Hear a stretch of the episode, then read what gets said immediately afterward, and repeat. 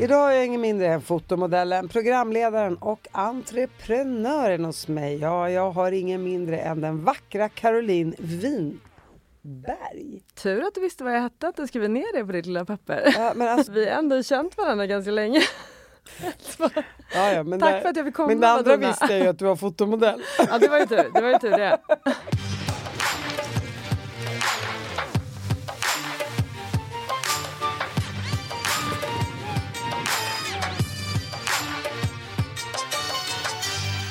Har gått så här Victoria's Secret, eh, vad kallar man det för? Catwalks och hej och Ja, visningar. visningar. Men jag, jag, jag är så himla... Fråga mig, jag är superestet, gillar vackra kläder, människor, allt det där. Och sen har jag egentligen ingen koll på vilka som är de ledande kvinnorna i skönhetsvärlden. Nej, men det hade inte jag heller innan jag tror jag började som modell. Jag hade ju koll på typ fotbollsspelare. Ja, exakt. Jag var typ i Henke. Larsson. Jag skulle säga Martin Dahlin, men okej. nej. Var du kär i Henke Larsson? nej, vem var det? Kenneth Andersson tyckte jag att jag typ identifierade mig själv med. För Lång och smal. Lång, lång och smal och blond. Och var så här, det kan vara jag en dag. Det där kan vara jag. Och vi, och vi ska faktiskt gå tillbaka till det, för du ville ju satsa på din fotbollskarriär, eller hur? Ja, alltså jag gick ju idrottsklass i eh, högstadiet och var besatt av fotboll. Det är ju fortfarande kan jag säga, jag har mycket mer intresse för att liksom kolla fotboll och gå till O'Learys på helgerna och kolla, min son älskar så här Haaland, Messi, Mbappé. Så vi sitter ju där. Folk är så här, sitter du på O'Learys? Jag bara, Ja. ja men vi kollar, Man City spelar. Haaland. Sitter inte du på en modeshow i Paris? Nej exakt, nej det är lite mer mina helger nu för tiden. Men är det inte coolt liksom? Här ser man någon som går så här catwalk i, om, i New York, LA. Mm. Och så helt plötsligt kan man så dribbla och... Jo, men jag är ju tränare i min sons lag. Är du? Ja. Herregud. Så alla, alla föräldrar, de här, helt plötsligt står det hundra papper där som står och dreglar. Nej, men det är lite, det var någon som kom in faktiskt en eh, så här inneträning och var så här. Min mamma säger att du är en kändis.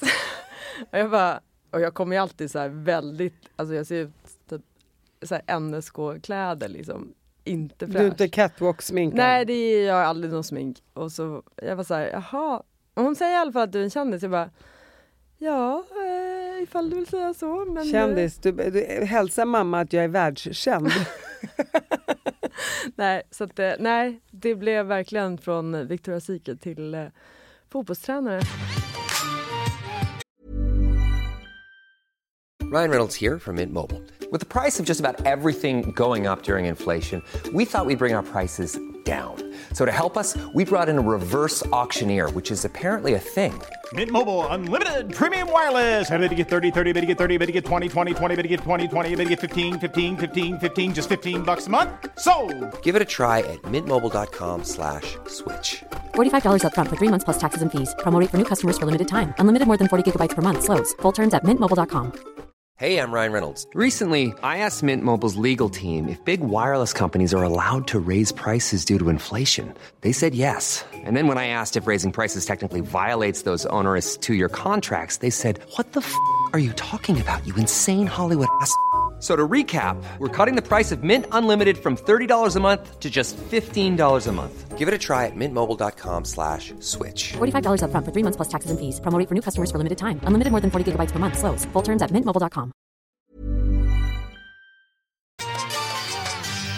Jag vill bara såklart höra om din uppväxt och ditt liv före allt.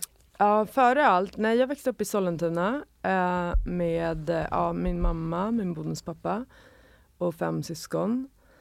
Och eh, ja, jag skulle inte säga liksom som min son växer upp nu i väldigt, eh, han är så här, jag vill ha en avokadotoast med lite chili flakes och det var ju absolut inte någonting så. Det var så här, jag ville rida, jag fick inte rida, det var för dyrt. Eh, ingen fick spela hockey, det var för dyrt. Jag fick spela fotboll ehm, för att det var väl billigt och liksom eh, lite sånt och man var tvungen att ta hand om sig själv och jobba extra på ICA och barnvakt och McDonalds och allting sånt. Så att det var, alltså jag skulle säga nu är jag väldigt tacksam för det för jag lärde mig väldigt tidigt att eh, om du vill ha något så måste du jobba för det. Man får ingenting gratis. Nej. Om man nu går tillbaka till eh, din uppväxt så säger att du bodde med din bonuspappa. Din Mm. riktiga pappa då? Eh, min riktiga pappa har jag aldrig träffat. Han, eh, ja, jag pratade om det i mitt sommarprat. Han, jag tror jag drog när jag var typ tre månader eller något sånt. Och han har aldrig hört av sig efter det? Johan hörde av sig när jag blev känd. När jag var med eh, i Vogue och allting sånt. Men då tyckte jag att det var lite sent. Vet du någonting om honom? Nej, och jag vill faktiskt inte riktigt veta något. Skulle du säga, om du tittar tillbaka på ditt liv i vuxen ålder, har det präglat dig på något sätt att din riktiga pappa inte funnits där? Eller känner du dig nöjd med den styvpappan du hade? Uh, ja, alltså nu har jag ju inte riktigt samma sätt men min son växer ju upp lite på samma sätt kanske som jag växte upp med mig själv och med bonuspappa. Så att man ser vissa drag som man har som barn i min son som jag hade. Att det är så här väldigt viktigt, något som din pappa har skickat. Och det är liksom det viktigaste. Det här får du inte slänga, min keps och liksom såna grejer.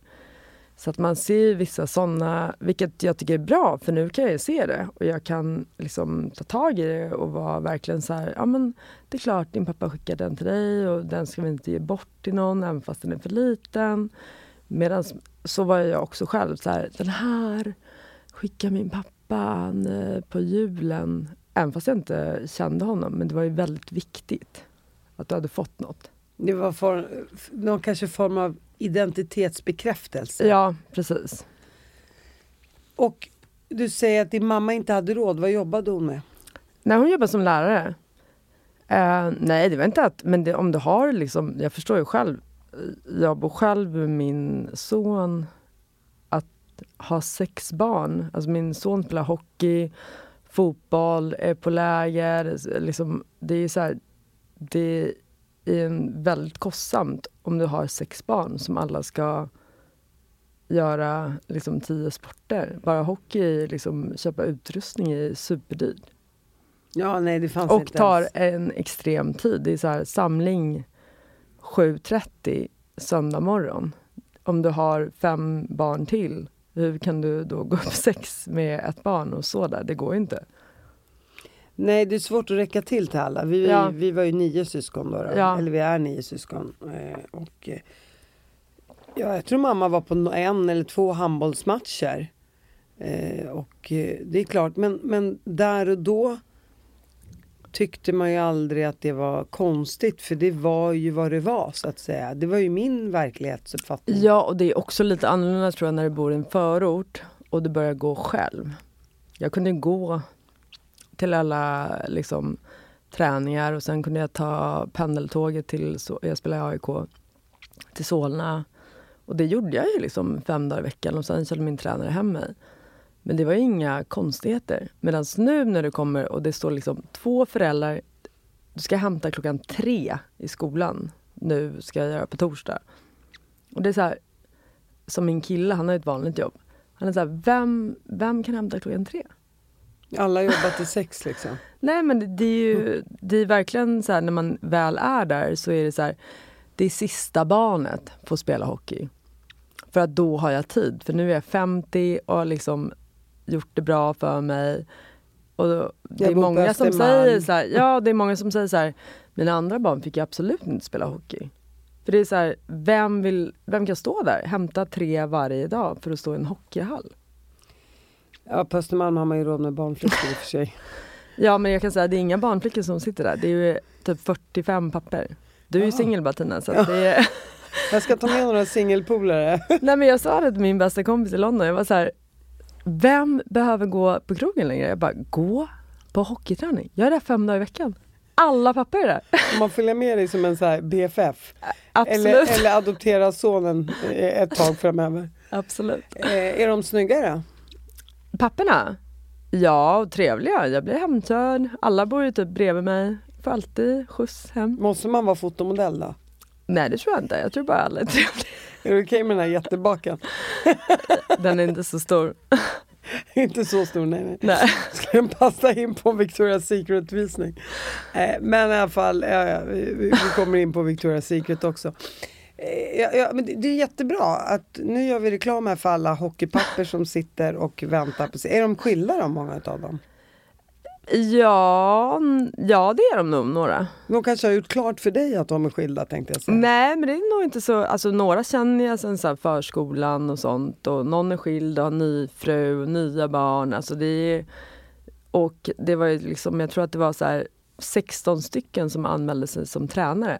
Vilket jag sitter där på första mötet och är så här, det finns ingen som kommer anmäla sig och vara tränare fyra dagar i veckan. Så bara, vi har 16 ty- stycken anmälda. Jag bara 16? Pratar vi fotboll eller hockey? Hockey. Hockey också. Men du är fotbollstränare? Jag är fotbollstränare. Ja men hockey, då ja, var jag bara helt så här, otroligt. jag kan inte liksom Nej, nej. Även skämtet har sina gränser. Nej och det var också så här, det var någon jag satt bredvid, jag känner en eh, liksom pojkes mamma och hon jobbar ändå typ på så Handelsbanken och så började jag vara så här, vi behöver en kassör, en skridskoslipare. Jag bara, kassör? Det är nog inte riktigt min grej. Jag var så här, Men då, tänk, då tänker man, kan inte de här rika föräldrarna köpa den tjänsten? nej alla, det, funkar är inte så. DJs, det är liksom kommentator, kassör i laget. Nej alla. Tutti faderutti. Ja. Men, men, men vi måste ändå, eh, alltså så här, clarify, eller vad man säger, att det här är ju trots allt Östermalm. Det, det finns pengar. Jag, jag skulle säga att de flesta barnen i förorten, de tar sig till sina idrottsplatser. De Mm. blir inte hämtade och skjutsade. Du vet, jag gick ju redan som nioåring till min handbollsträning. Ja men jag gick ju också alltså, till fotboll och friidrott, cyklade i Sollentuna. Och, och det är så jag tror att de flesta har det än idag så att säga. Ja och sen liksom eh, tror jag också, nu ska jag inte säga så, men eh, jag dejtade en fotbollsspelare ett tag och det kommer ju inga bra fotbolls eller hockeyspelare från innerstan. Det var så. Nej det är så. Du verkar vara en fighter, du växer upp med, hur var det att växa upp med fem syskon? Som svensk, ja, men jag är arab, jag fattar grejen.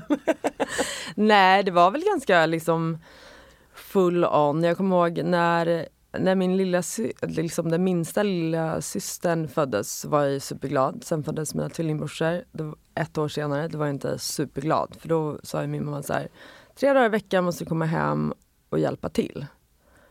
Och jag gick runt med den här jävla tvillingvagnen med en ettåring på en ståplatta och hon sa jag ska dammsuga så du måste gå runt här. Och jag sa ska jag gå med de här jävla ungarna? Jag var ju typ tio år.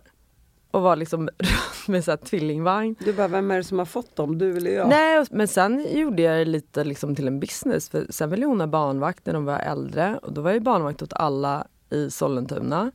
Och då var jag så här, aha, vill du ha barnvakt? Men där får jag, jag får 50 kronor i timmen. Så att eh, antingen det eller högre. För jag har, annars har jag ett annat jobb.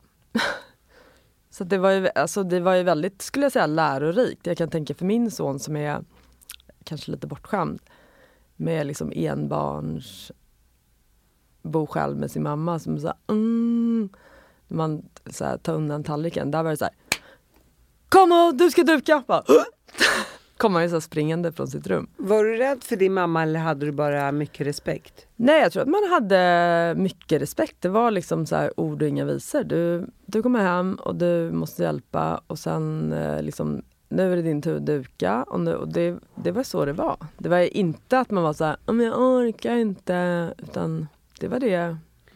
Och sen var ju hon lärare så det är klart hon, hon behövde ju lite av den där hjälpen. Men vi var ju nio syskon och jag kommer ihåg så fort mamma sa att jag skulle hjälpa till så, så sa jag bara ja men jag hjälper till om min storebror hjälper till. Och han hjälpte ju aldrig till så jag slapp ju hjälpa till. Ja men sen var det alltid, det är inte min tur. Alltså det kunde vara så här, Ja, det är ja, inte är min klart. tur. Jag gjorde det igår. Nej så var det inte. Jag gör det när jag känner för det. Men det sjuka med mig var så här att jag hjälpte inte så ofta till. Men det är väl min ADD-hjärna. Men när jag väl fick den där lusten att hjälpa till.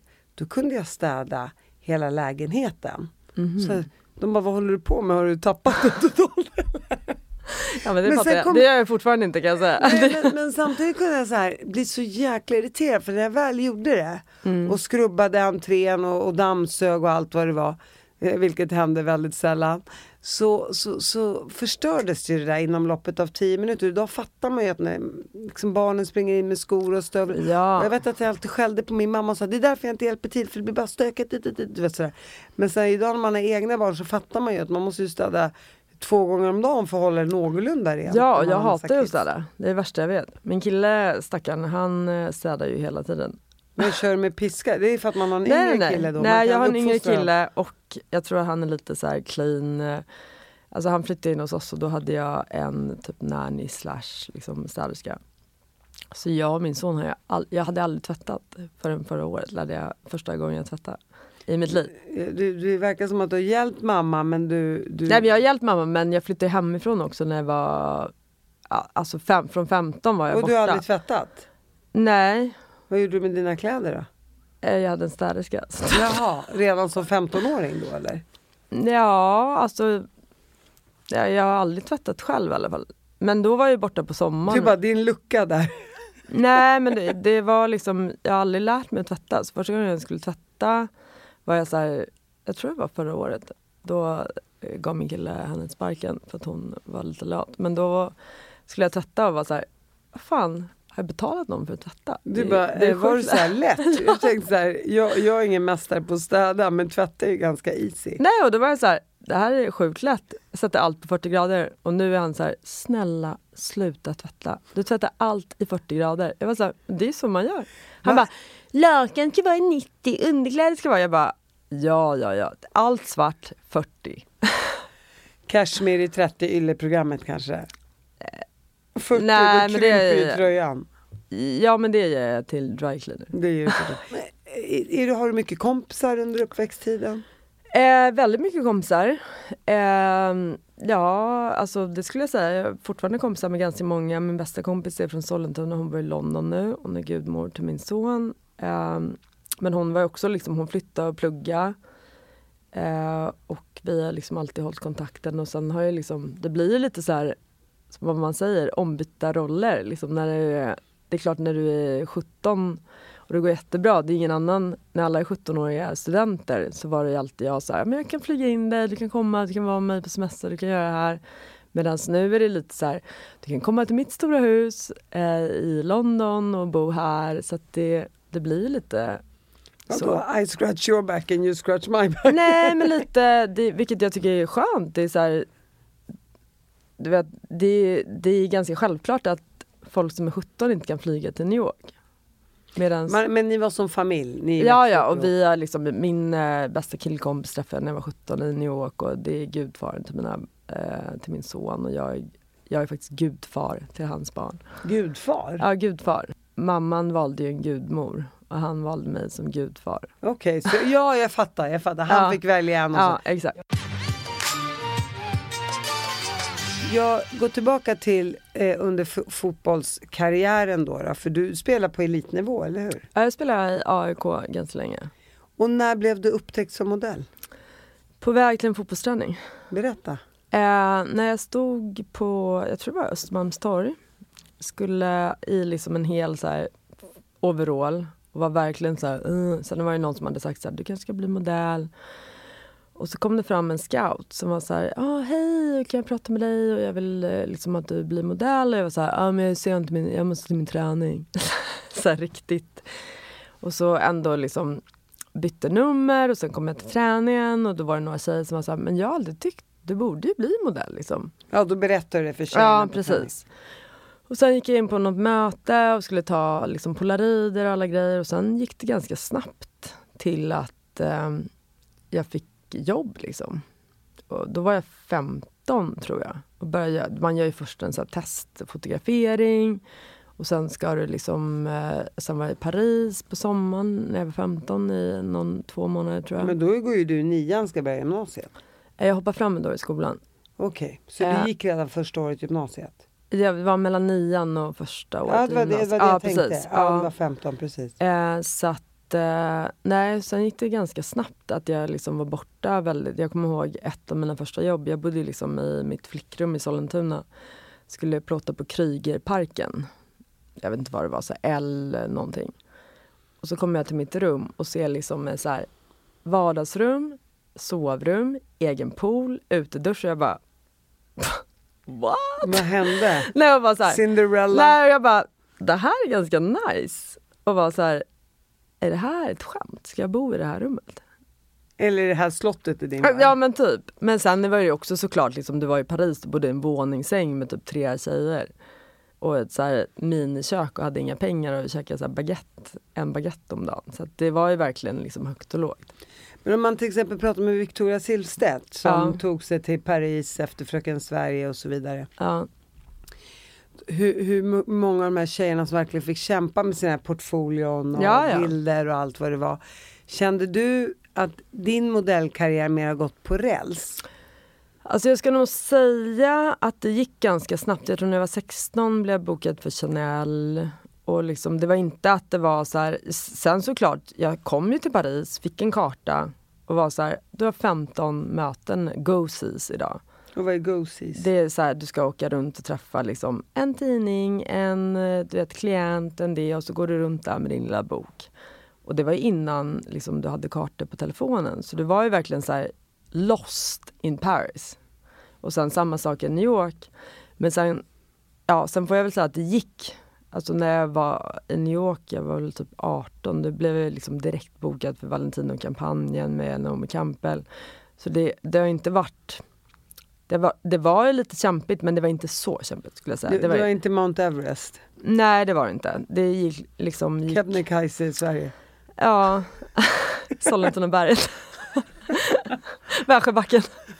Exakt, pulkabacken Ja. i Uppsala. Nej men det var, alltså det var det, såklart det var kämpigt. Jag har också liksom varit där när du inte, du hade inga pengar, du köpte typ så här lite nöt, mixade nötter till middag eller en baguette och, eller en crepe för två euros. Men det var ju inte, det var inte så länge det var så. Det var inte så att det var liksom tio år av Men man pratar med Victoria då, Mm. hon är några år äldre än vad du Ja. är.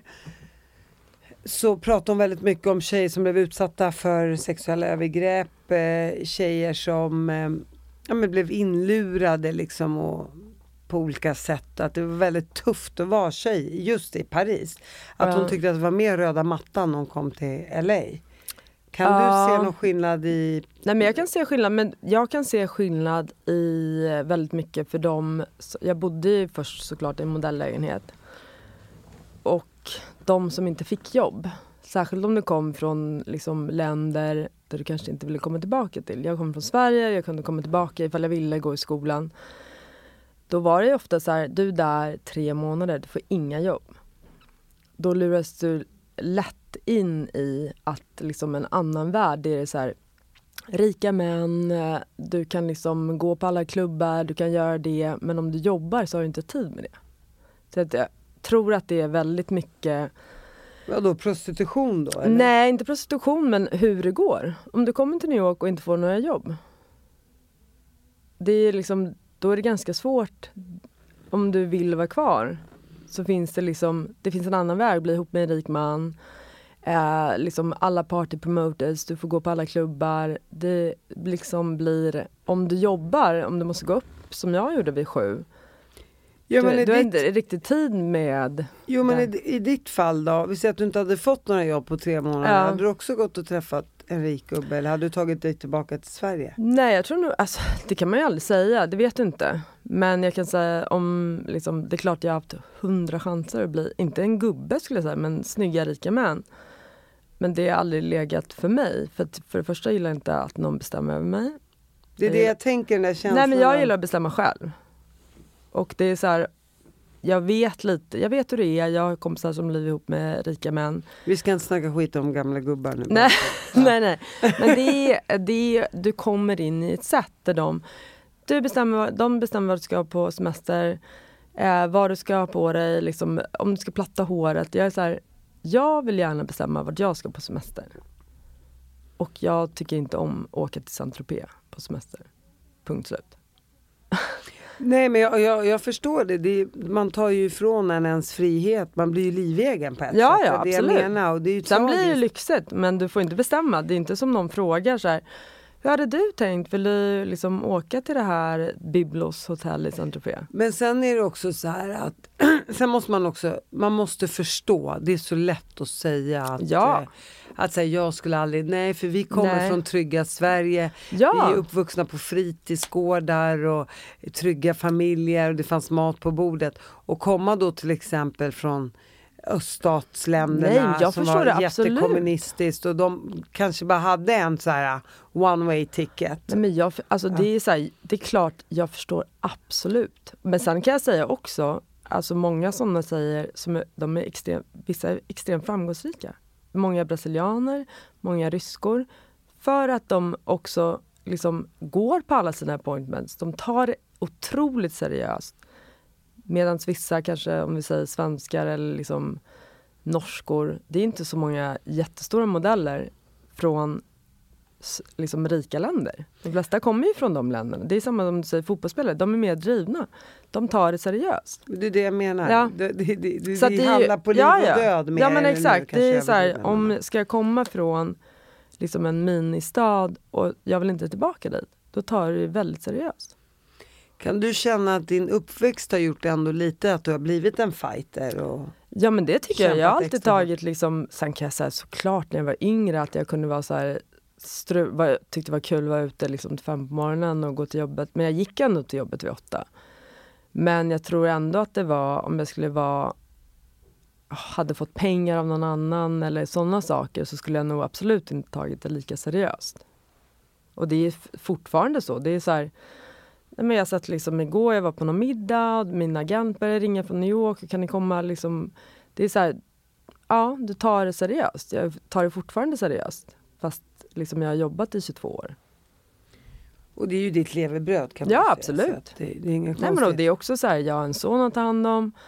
Jag har liksom eh, hus att betala och allting sånt. Så att, Och när du kommer till New York där som Ja. 18-åring och får jobba med Naomi Campbell som till och med jag känner till tänkte jag säga.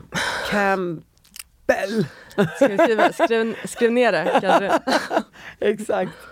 Hon var ju också av de största fotomodellerna Ja. på 90-talet. Då- Jag skulle precis säga, eller innan skulle jag säga det till dig, att de känner man ju lite grann till, Cindy Crawford Ja, och ja. Linda Evangelista och Ja, ja. ja, det, det gänget. Schiffer. Hur var det att jobba med henne? För många säger att hon är strulig. Men du vet, jag, jag har ju också gjort lite tv-serier. Jag gjorde en tv-serie med henne i tre månader. Det, då var jag ganska stressad kan jag säga.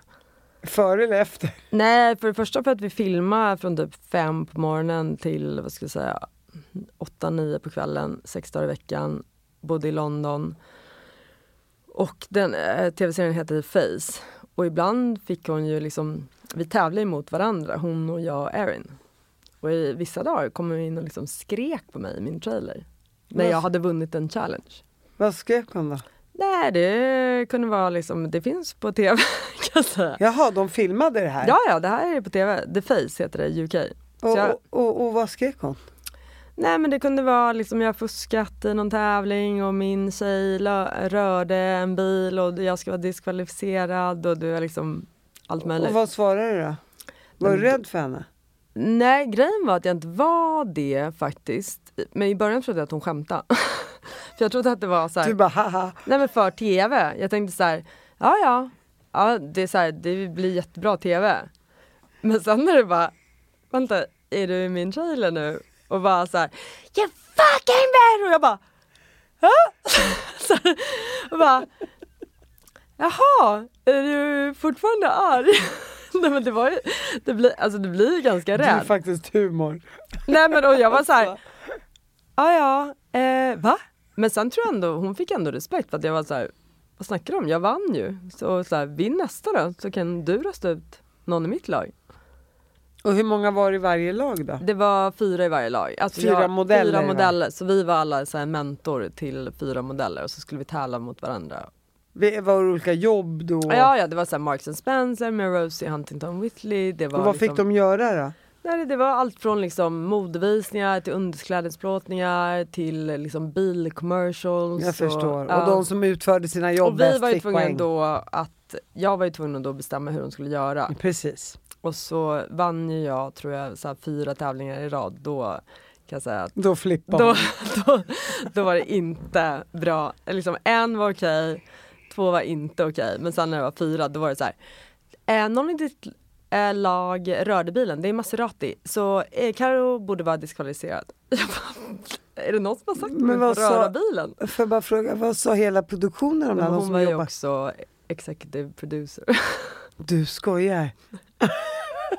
så, så hon såg till att klippa bort alla... nej nej nej, nej det är med. Det är Alltså med. du, om du kollar på den så jag framstår ju som liksom ett saint.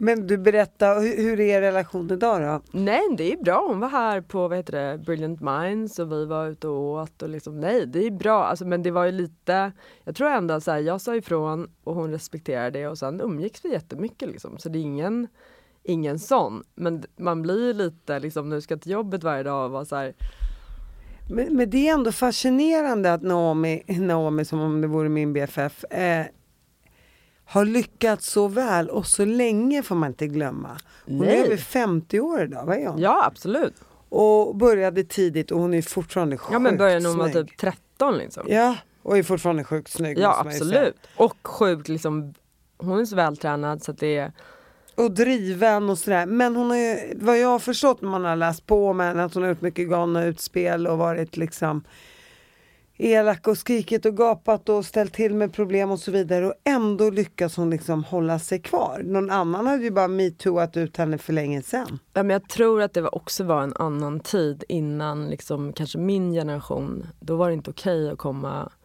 och vara liksom stökig och bråkig. Och, och nu tror jag absolut inte. Nu är det så här, jag pratade med någon igår, en fotograf, och så här, alla influencers nu som kommer så här. Ah, jag, tänkte, jag ska ha mitt hår så här och eh, mina fransar. Det är så här, när jag kommer till ett jobb, jag säger ingenting. De, hår och make bestämmer vad jag ska ha för hår och make. Eh, fotografen bestämmer ljuset. Det är väldigt så här, du, du litar på dem. Jag kommer inte komma in och vara någon så här expert på, även fast nu kanske jag är det. Men jag skulle aldrig säga så här, eh, du vet sådär, kan du fota mig så här? Utan man litar på dem. Det är lite liksom ett sånt samarbete man har. Men sen kan man nog inte riktigt jämföra influencers med modeller för influencers har ju byggt sitt eget varumärke på sina Instagram. Ja, Och så har de, säger vi, flera miljoner följare. Absolut. Ja, helt plötsligt har de mer följare än vad en hel tidning säljer. absolut. Och så har de de här följarna för att de ser ut på ett speciellt sätt. Absolut. Och då är, det, då är det ju de som äger, de äger sitt namn, de äger ju varumärket. Ja, absolut. Det är det ju. säga. Det Men det? sen tror jag många fotografer som jag känner som säger att de inte vill plåta längre för att de får inte göra som... Det är normalt de som bestämmer ett ljus. En liksom... Sen hela det här Instagram-fenomenet, det är ju fantastiskt att du har lyckats men det, vem såg det här komma för 15 år sedan? Nej, jag tror inte någon. Och sen, är det så här, sen förstår jag också, jag sa det igår, så här, det är klart om jag gör en produktion, ibland är det så här 50 personer som är med. Liksom en stylist med tre assistenter, eh, fem personer som sätter ljus, en studio du ska hyra. Allting kostar väldigt mycket pengar. Och sen såklart om du tar en influencer som gör någonting själv, det är två personer. De gör egen hår och make, de har en fotograf. Det är klart kostnaden och vad, liksom, vad det syns blir så himla mycket billigare och säljer säkert bättre än en liksom, stor liksom, hm kampanj som sitter på liksom, vad det nu är, Åhléns. Kan du känna det med alla stora influencers, kvinnor, att de har tagit över mycket av fotomodellernas modelljobb? Nej, jag skulle inte säga modelljobb. Men jag skulle säga absolut mycket av reklambranschen, tror jag. Men vilket jag, som jag säger, jag förstår det. För att det är så extremt mycket billigare att producera någon som gör ett samarbete med en kund än en jättestor produktion som är 50 personer. Såklart. Du, när hamnade du, när, innan jag går in på det så tänkte jag fråga dig, just när jag pratade med Victoria också, Ja. så pratade hon ju mycket om det här med hetsbantning och man skulle inte äta Ja. och det var svårt, svårt att få jobb och det var väldigt mycket man skulle gå ner och gå ner och gå Mm. ner. Du har ju varit smal hela tiden, du är Ja. väl av naturen smal tänker Ja. jag. Har du haft Jag, jag, jag tror ju att svaret är nej, men har du haft de problemen med olika modellagenturer eller sett det runt omkring dig? Nej, alltså jag, jag, såklart jag har sett det väldigt mycket. Särskilt eftersom många av mina kompisar, vi börjar alla när vi är 15. Och du blir upptäckt för att du är pinsmal, vilket du ofta är när du är 15. Och det är om det därför jag är, aldrig blev upptäckt. och om det är liksom 1,81 centimeter lång. Det är, så här, det är ganska självklart, för du är ju det. Men sen blir många... Jag bara tänker, jag var mer kompakt. Nej, men, och sen blir det ju såklart många som blir då kvinnor under tiden du är modell. Från liksom, en av mina bästa tjejkompisar var 13 när hon blev upptäckt och gjorde Prada. Och det Prada, när hon var hur gammal då? 13. Otroligt. Och då är det också så här, det är klart att när hon blir 18 så ändras kroppen. Vilket för mig, den ändras inte jättemycket. Men jag också, jag vet, jag blev cancellerad en gång för att det var så här, ah vad konstigt. Så här, hennes bröst, jag var ju typ 23, det är inte som jag har stora bröst. Och var så här, hennes bröst eh, rör sig när hon går, det är så äckligt. Skojar du? Nej. Och då är det så här, jag bara, jag var 23 år, jag hade så här minibröst och bara, uh, uh, that's disgusting. Du vet så här, i den här tröjan, så här, hennes bröst. Och det kan ju vara att du ska få mens, liksom att dina bröst är större. Och, men hur, hur tar du det som 23-åring? Du kanske var Nej men då blev jag ledsen liksom. Det är klart jag blev superledsen. Men sen nu är jag lite så här, jag ska inte säga vilket märke det var, men nu är jag lite så här. Jag vill inte ens köpa det märket, det är så här lyxmärke. För att det var verkligen så här. Att du säger så till en tjej som är ja, 23 år och så här. Uh, uh, it's disgusting. Så här, uh, what, is that? Man så här. What is alltså, Är det en man då som uttryckte Nej, det det var en kvinna som själv eh, har ganska stora bröst. Okej. Är det lite typiskt att det är så kanske? ja, men då är det också lite så här, vadå, är det så äckligt att du har typ så här en mini movement av dina Men bröst? tänk när att trycka ner unga tjejer sådär i skorna. Ja, men det, alltså det, är så här, det är mycket folk säger så här, metoo, det är liksom äckliga gubbar, men det, jag skulle säga att det är mer elaka gaystylister. Skulle jag säga. Som, som är elaka. Nej men som tycker att du liksom inte är i form eller liksom, det är inte liksom någon så här sliskig man, i alla fall i min värld, för det, som är liksom mer high fashion. Utan det är mer liksom så här, mhm, mm, så inte riktigt liksom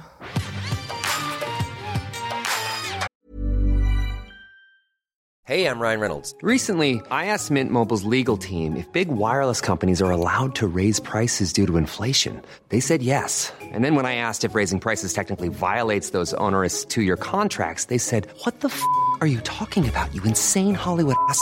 F- So to recap, we're cutting the price of Mint Unlimited from $30 a month to just $15 a month. Give it a try at mintmobile.com slash switch. $45 upfront for three months plus taxes and fees. Promo rate for new customers for limited time. Unlimited more than 40 gigabytes per month. Slows. Full terms at mintmobile.com. Hey, I'm Ryan Reynolds. At Mint Mobile, we like to do the opposite of what Big Wireless does. They charge you a lot, we charge you a little. So naturally, when they announced they'd be raising their prices due to inflation, we decided to deflate our prices due to not hating you. That's right. We're cutting the price of Mint Unlimited from $30 a month to just $15 a month. Give it a try at mintmobile.com slash switch. $45 upfront for three months plus taxes and fees. Promo rate for new customers for limited time. Unlimited more than 40 gigabytes per month. Slows. Full terms at mintmobile.com.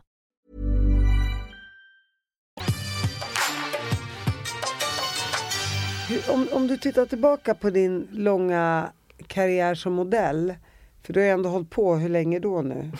20 år? 22 år. 22 år. Ja exakt, du fyller ju 38, 20, Ja. till och med 23 nästan. Eh, kan du så här tänka att du borde ha gjort vissa saker annorlunda eller att du kanske inte borde ha tagit åt dig eller att om du hade haft andra verktyg, att du hade satt ner foten på ett annat sätt? Ja, men jag tror också då var det kanske inte tillfälle att sätta ner foten. För det första. Och sen eh, såklart vissa grejer var ju så här.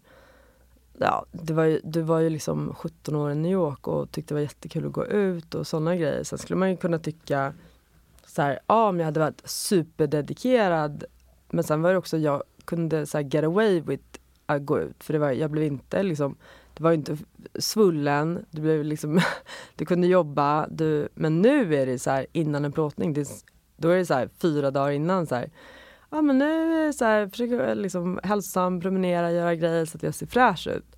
Men på den tiden behövde ju inte det. Nej. Jag kommer ihåg min bästa killkompis var, vad var han, jag var eh, typ 17, han var typ 30. Och det var någon gång han var så här, nej men jag, jag kan inte dricka någonting för jag ser, blir så svullen. Och jag bara va? Och nu är jag ju likadant själv, att man är så här, det är ingen bra idé för jag ser ofräsch ut. Åldrandets trevliga resa. Ja exakt. Eh, som vi alla inte Nej, ser fram sen tror jag emot. liksom inte, sen, jag kan inte klaga på något. Det, det har alltid Ja. liksom gått ganska bra. Nu ska man inte säga så, men det har på något sätt alltid rullat på ganska bra. Det är lite du Naomi. Naomi.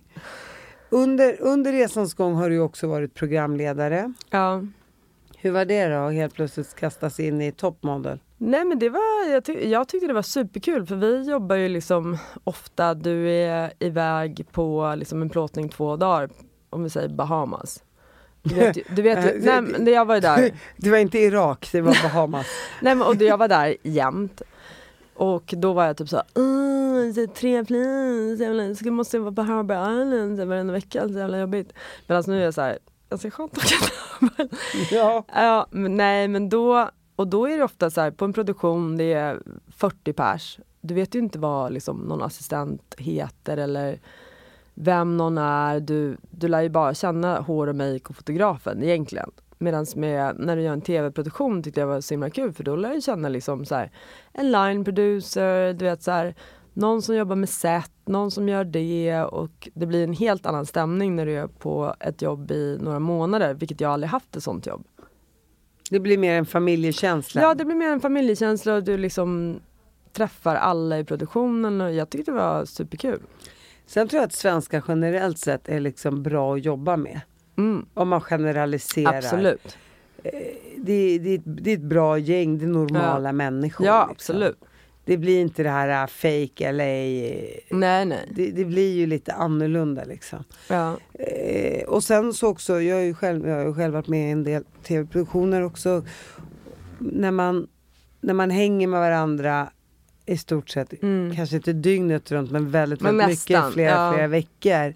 Såklart så lär man ju känna folk mer på djupet. Och det, man blir mer, det som jag sa tidigare, det blir mer av en familjekänsla. Hur gammal var du när du gick din första Victoria's Secret? Visning, jag tror jag var... Jag visste inte ens vad det var när jag skulle gå den för det var ju innan Instagram och liksom, jag hade inte ens tror jag, en dator. Eh, jag kanske var 18 tror jag. Men då var jag med Naomi, Tyra, Giselle, alla de här. Men jag visste, det var ju inte så här, då visste man ju knappt vad det var. Men du visste vilka de var? Ja, jag jobbar ju för dem typ. Nej, men inte så här. Inte så att det var liksom någon, eh, att man var så här superimponerad. Jag jobbade ju med dem, jag plåtade ju Victoria's Secret nästan fem dagar i veckan. Men då var det inte coolt. Så då fick man ju inte säga när jag plåtade italienska Vogue.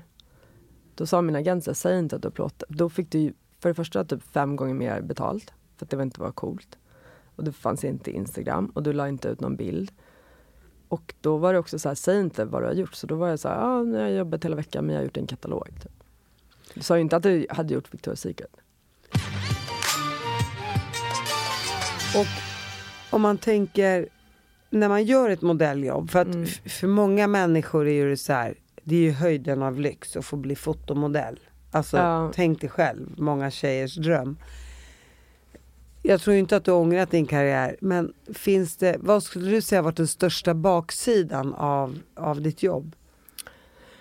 Nej jag skulle säga att det är så här, du vet aldrig eh, vart du ska. Till och med nu är det liksom, jag satt igår kväll i, vid 10.30 började min agent i New York var så här, kan du komma, eh, kan du ta första till andra maj och komma till New York? Och så sitter liksom min agent i London och är så här, men jag håller en grej då.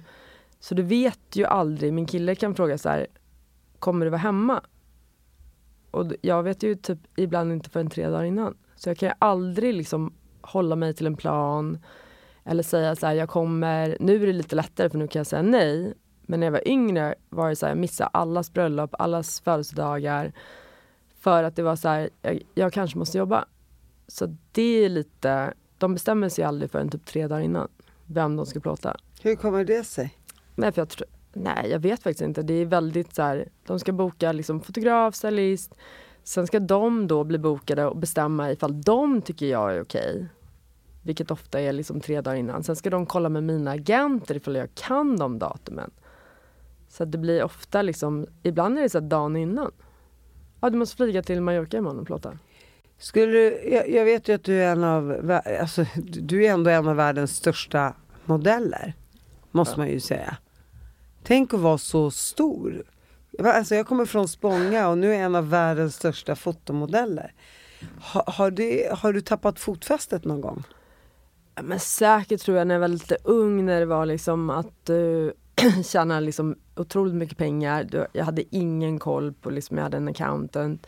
Det var ju bara så här, nu är jag verkligen så här, jag köper typ ingenting. För först, nu får jag mycket grejer men så här, jag köper grejer till min son. Men då var det typ så här, ah, det kommer en ny så här, Prad, jag går och köper så här, tre Chanel-väskor bara för om du är lite bakis. Tycker det är så här, superkul.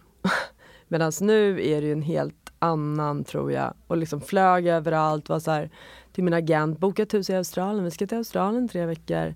På, jag ska till Costa Rica, boka min biljett. Jag hade aldrig bokat en biljett själv. Medan när jag själv gick in på Expedia efter när jag var typ 30 plus och var så här, men jag kan ju själv boka en biljett för en tiondels av priset vad de har med sina travel agents och liksom alla sådana grejer som du liksom aldrig hade gjort. Jag tänker ändå med din uppväxt att du borde ha lärt dig lite. Jo men du lärde dig men du behövde inte göra något. Det var ju så här, en agent bokade, min agent bokade min pilates, bokade hela mitt schema. Någon som tog mig till alla visningar. Sjukt skönt i och för sig. Ja men du behövde aldrig göra något. Det, liksom deras assistent bokar ju det. Medan när du blir lite äldre är det så här. Oj, det här är faktiskt ganska, för det första lätt och billigare att göra själv. Och nyttigt kanske. ja, Ja, för det borde ju egentligen vara i fel ände. Alltså det är när du blir äldre som du egentligen behöver den hjälpen. Ja, ja, ja. Men det är därför som det är verkligen så här motsatta universe. Att det är så här, nu kommer man tillbaka och bara fan vad tråkigt, nu måste jag tvätta. Ja, precis. Men jag behövde inte det som 15-åring. Nej precis, men alla andra är så här, ja nu är jag liksom 40, nu behöver jag inte tvätta. Medan det blir lite... Nu har jag pluggat och gått på universitet och börjat tjäna pengar så nu har jag råd ja, med exakt. städhjälp. Ja, Eh, samtidigt, liksom, vadå? Man har haft ett bra liv. tänker ja, absolut. jag. Caroline, jag, jag, jag tänker på hela din resa, just det här med att tappa fotfästet och man, blir, man är ung och, och så här. och och det, det här är ju inte bara du, utan jag tänker människor som kanske eh, tjänar pengar över natt liksom. Det är, of- alltså, Eller liksom jämför ofta, det är så artister. sportstjärnor, det är samma sak, du är ung. Det, det är liksom det, du har ju någon som gör alltid så här, är på dig, du ska göra det här, du ska bo här, du ska flyga dit, du måste, du har ju ingen egen liksom det är så här, du bor på det här hotellet, eh, någon hämtar dig för att ta dig dit, du ska ta det här flyget och det var ju mitt liv i 20 år. ja, jag visste tänk- inget annat. Ja, ja men så tänker jag också så här, där, det, på något sätt så här, åh där går Caroline Winberg, någon som har koll på Ja. det här. Och eh, så här, många kanske vill ha autografer. Man höjer ju upp en stjärna Mm. på något sätt. Och när man höjer upp den här personen så hamnar man ju i någon, på någon rosa moln i någon Ja. fantasivärld där uppe. Kan du känna idag liksom med facit i hand att så här, okej, jag visste jag var i den där bubblan men hur kunde jag göra det här eller det här? Nej det är klart att du är lite i den bubblan men jag tror ändå så här, jag har inte varit den, eller du har väl känt mig ganska länge, jag har nog aldrig känt mig liksom så här super för mer än för att alla jag har jobbat med har ofta varit lika duktiga. Det är liksom, alla mina bästa tjejkompisar var lika stora modeller som mig eller större eller liksom men det har aldrig varit någon så här oh kolla på mig, jag är hundra gånger bättre än er liksom. Och så har inte du känt mot någon så att säga. Nej det tror jag inte jag har känt liksom. För, för det, jag har haft, varför jag frågar är för att jag har haft gäster i podden. Mm. Som har till exempel ja, varit med i Melodifestivalen eller gjort en liksom, artistisk Mm. resa. Bland annat Sean Banan som jag pr- pratat om tidigare. Eh, och just den där att Fast han, när han kommer upp så liksom lyfts man upp och så tror man att man är något och så Ja, plötsligt så bara boom så faller man. ja. Och då får man på något sätt en wake-up call. Nu har ju du i och för sig aldrig fallit men han sa ju det att man fick så reflektera liksom över så här, vem är jag egentligen? Ja, nej, men det, alltså, det kan jag tro att det det? var för att förut hade ju, för det första hade jag inte tid att reflektera och det kunde också vara så här att min, det var aldrig jag som sa något, min agent kunde vara så här, ja ah, hon kan göra det här, Vogue, men hon får inte, hon ska ha alla bilder själv. Hon är inte med på en bild med någon annan. Och då var man ju själv så här, men jag kan inte vara med på en bild med någon annan. Medan nu är det ju såklart inte samma sak. Alltså nu har du ju en lite mer, för det första för att jag har barn och jag har varit ensamstående. Så nu när jag jobbar är det ju mer så här, gud vad skönt. Jag får vara mig själv, jag kan vakna själv i ett land. Jag behöver liksom inte gå på hockey vid tre eller fyra utan så här, jag kan äta middag själv. Jag är väldigt tacksam nu när jag jobbar. Medan när jag var yngre var jag typ så här Uh, sitta själv, uh, Harbour Island, uh, hatar Harbour Island, jag är här liksom tre dagar i veckan, så här, äcklig mat. Och jag är jättetrött, jag måste upp vid fyra. Medan nu är jag så här, ganska skönt att gå upp vid fyra när du inte har lagt ett barn vid sju. Liksom. Eh, nej, där går Du får ju mig. verkligen, tror jag, en så här annan... Där går gränsen för mig, halv fyra, fyra. Nej men det är ju så här, om du inte, om du sitter själv i ett hotellrum på kvällen så ingen, jag alltid, vi går alltid upp fyra ofta liksom, för att när du plottar i, eh, du måste ju plotta när solen går upp. Som ofta är vid För sex. vackra bilder. Nej för bra ljus. Ja, ja. Så att då måste du liksom, vid fyra börjar du hår och make, så har det alltid varit. Vilket inte gör mig någonting. Men när jag var yngre kunde jag klaga medan nu är jag så här Skönt att gå upp fyra utan att behöva göra frukost till ett barn och ta dem till skolan. ja, ja exakt. Ja, man får ett Du, annat du får perspektiv. ett helt annat perspektiv tror jag på liksom, allt generellt. Jag bara tänkte du var yngre, bara, "Jag kommer ju hem halv fyra, jag kan inte få sova två timmar i alla fall. Nej men då, alltså, så gjorde jag inte när jag var Nej, på var location. 18 tänker jag, Ja 17. men så gjorde jag inte när jag Nej, var på nej. location. Nej.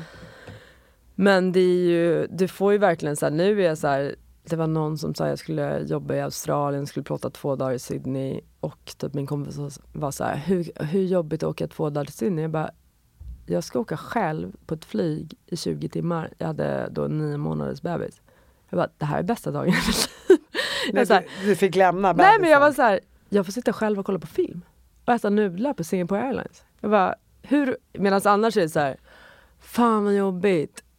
Medan du får ju olika perspektiv var du är i livet tror jag. Och jag säger det till min, jag har min eh, 13, snart 14-åriga dotter Ja. och jag säger det till henne, sluta klaga. Ja, För att din bästa tid är nu Märta. ja och, du, absolut. och, och du är jättefin och du är jättevacker, du har fantastisk hy och karp, fånga dagen. Jag vet att det är svårt att säga det till någon. Jag bara, så jämför jag mig med henne i spegeln. Jag bara, så här blir det när man blir äldre. Ja. Jag klagade också din ålder. Njut av din ungdom och Ja. din skönhet och njut Och du av har att det så lätt, du, bor, du Ja. bor hemma, du får du mål serverat. Ja, ja. Jag vill vara du. Ja men jag vill ju vara min son som sitter liksom så här.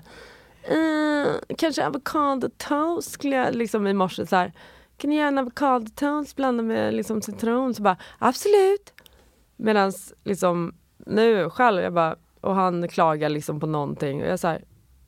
Du, du har ganska, liksom, du har ganska bra där hemma. Men snälla, hur många gånger tror inte man har sagt till sina barn, vet ni jag hade när jag växte Ja, upp? ja. Bara, jo men hur ska vi kunna jämföra oss med ditt liv? Vi har ju vuxit upp i ett annat liv. Ja. Eller en annan miljö och så vidare. Så att jag fattar grejen. Ja. Men jag fortsätter att tjata om det Ja, såklart. absolut. Vi, vi, du har en yngre pojkvän, hur mycket yngre än Han är, vad är han, fyra år yngre än mig. Tre, ja. fy, fyra, Han är År yngre än vad du är. Ja. Fyra år yngre? Mm. Jaha, men det är inte så stor skillnad tänkte jag säga. Vill han ha barn? Ja, det tror jag att han vill. Han är ju liksom för det första, eller tror, jag vet att han vill. Ehm, han är ju väldigt bra för det första bonuspappa skulle jag säga. Eh, så att det är klart han vill. Så att, eh, ja. Han har tyvärr brutit knät som min mamma sa häromdagen. Du kan ju försöka vänta tills hans knä Så att jag inte, lite svårt att ligga med en invalid. Berätta om din mamma, har du bra relation till henne? Ja, det skulle jag säga att vi har. Eh, vi är nog ganska lika egentligen. Hon är väldigt bossig. Och jag är också ganska bossig. Det känns, jag har ju träffat din mamma några gånger, det känns inte som hon är en stark karaktär. Hon är, hon jag är, gillar det. Ja, hon är en eh, väldig karaktär. Hon kommer in och liksom tar över totalt. Du bara, vänta det är jag som är supermodellen här. Nej, där får man inte liksom. Hon kommer hem och så här. Jaha, här finns det ingen fika. Jaha ja. Ja, det, det är så här, nu är det så här, jaha vilken tid kommer det? Ja, absolut jag fixar fika. Och du vet, Hon är nej, fortfarande din överman. absolut. Det är bra Hon tror jag. bestämmer fortfarande över mig när jag kommer. Ja, man går tillbaka till sina gamla roller. Kan du ta ut de här tvillingarna nu? Du bara okej, jag är tio år Ja men det är lite så, så här, Karo, eh, så här, klockan tio, vi ska ut och promenera nio, en mil. Bara, Okej. Får jag fråga, har du hjälpt din mamma ekonomiskt eller är du schysst mot henne? Nej jag är ganska schysst mot mina föräldrar liksom generellt. När jag var yngre såklart jag liksom flög dem över överallt och bara nu liksom när de fyller år ger dem nej, men så här, resor till London, ABBA, vad det nu var, Voyage och liksom ganska schysst generellt ska jag säga. Inte att det var att jag behövde liksom gå in och betala någon räkning men alltid försöka vara liksom mot alla jag känner eller om det var när jag var yngre, liksom hyr hus och bjuder med mina Sollentuna-kompisar. Så att jag tror alltid att liksom att vara generös tror jag alltid kommer tillbaka. Så då skulle vi kunna avsluta podden med att säga att det blir ett barn till. Jag hoppas det. Jag är livrädd för sprutor så jag hoppas att det inte behöver bli något, nu ska man inte säga så, eh, någon IVF men jag hoppas att det, att det blir någonting. Nu trodde jag du hörde Aje, men det var IVF. Nej, jag kan ju alltid ligga med Aje, han verkar vara väldigt fertil, Badina. Ja, ja. Det var sprutat på honom. En unge till, lätt att dela arvet på tio som någon sa. Tack för att du kom hit. Tack!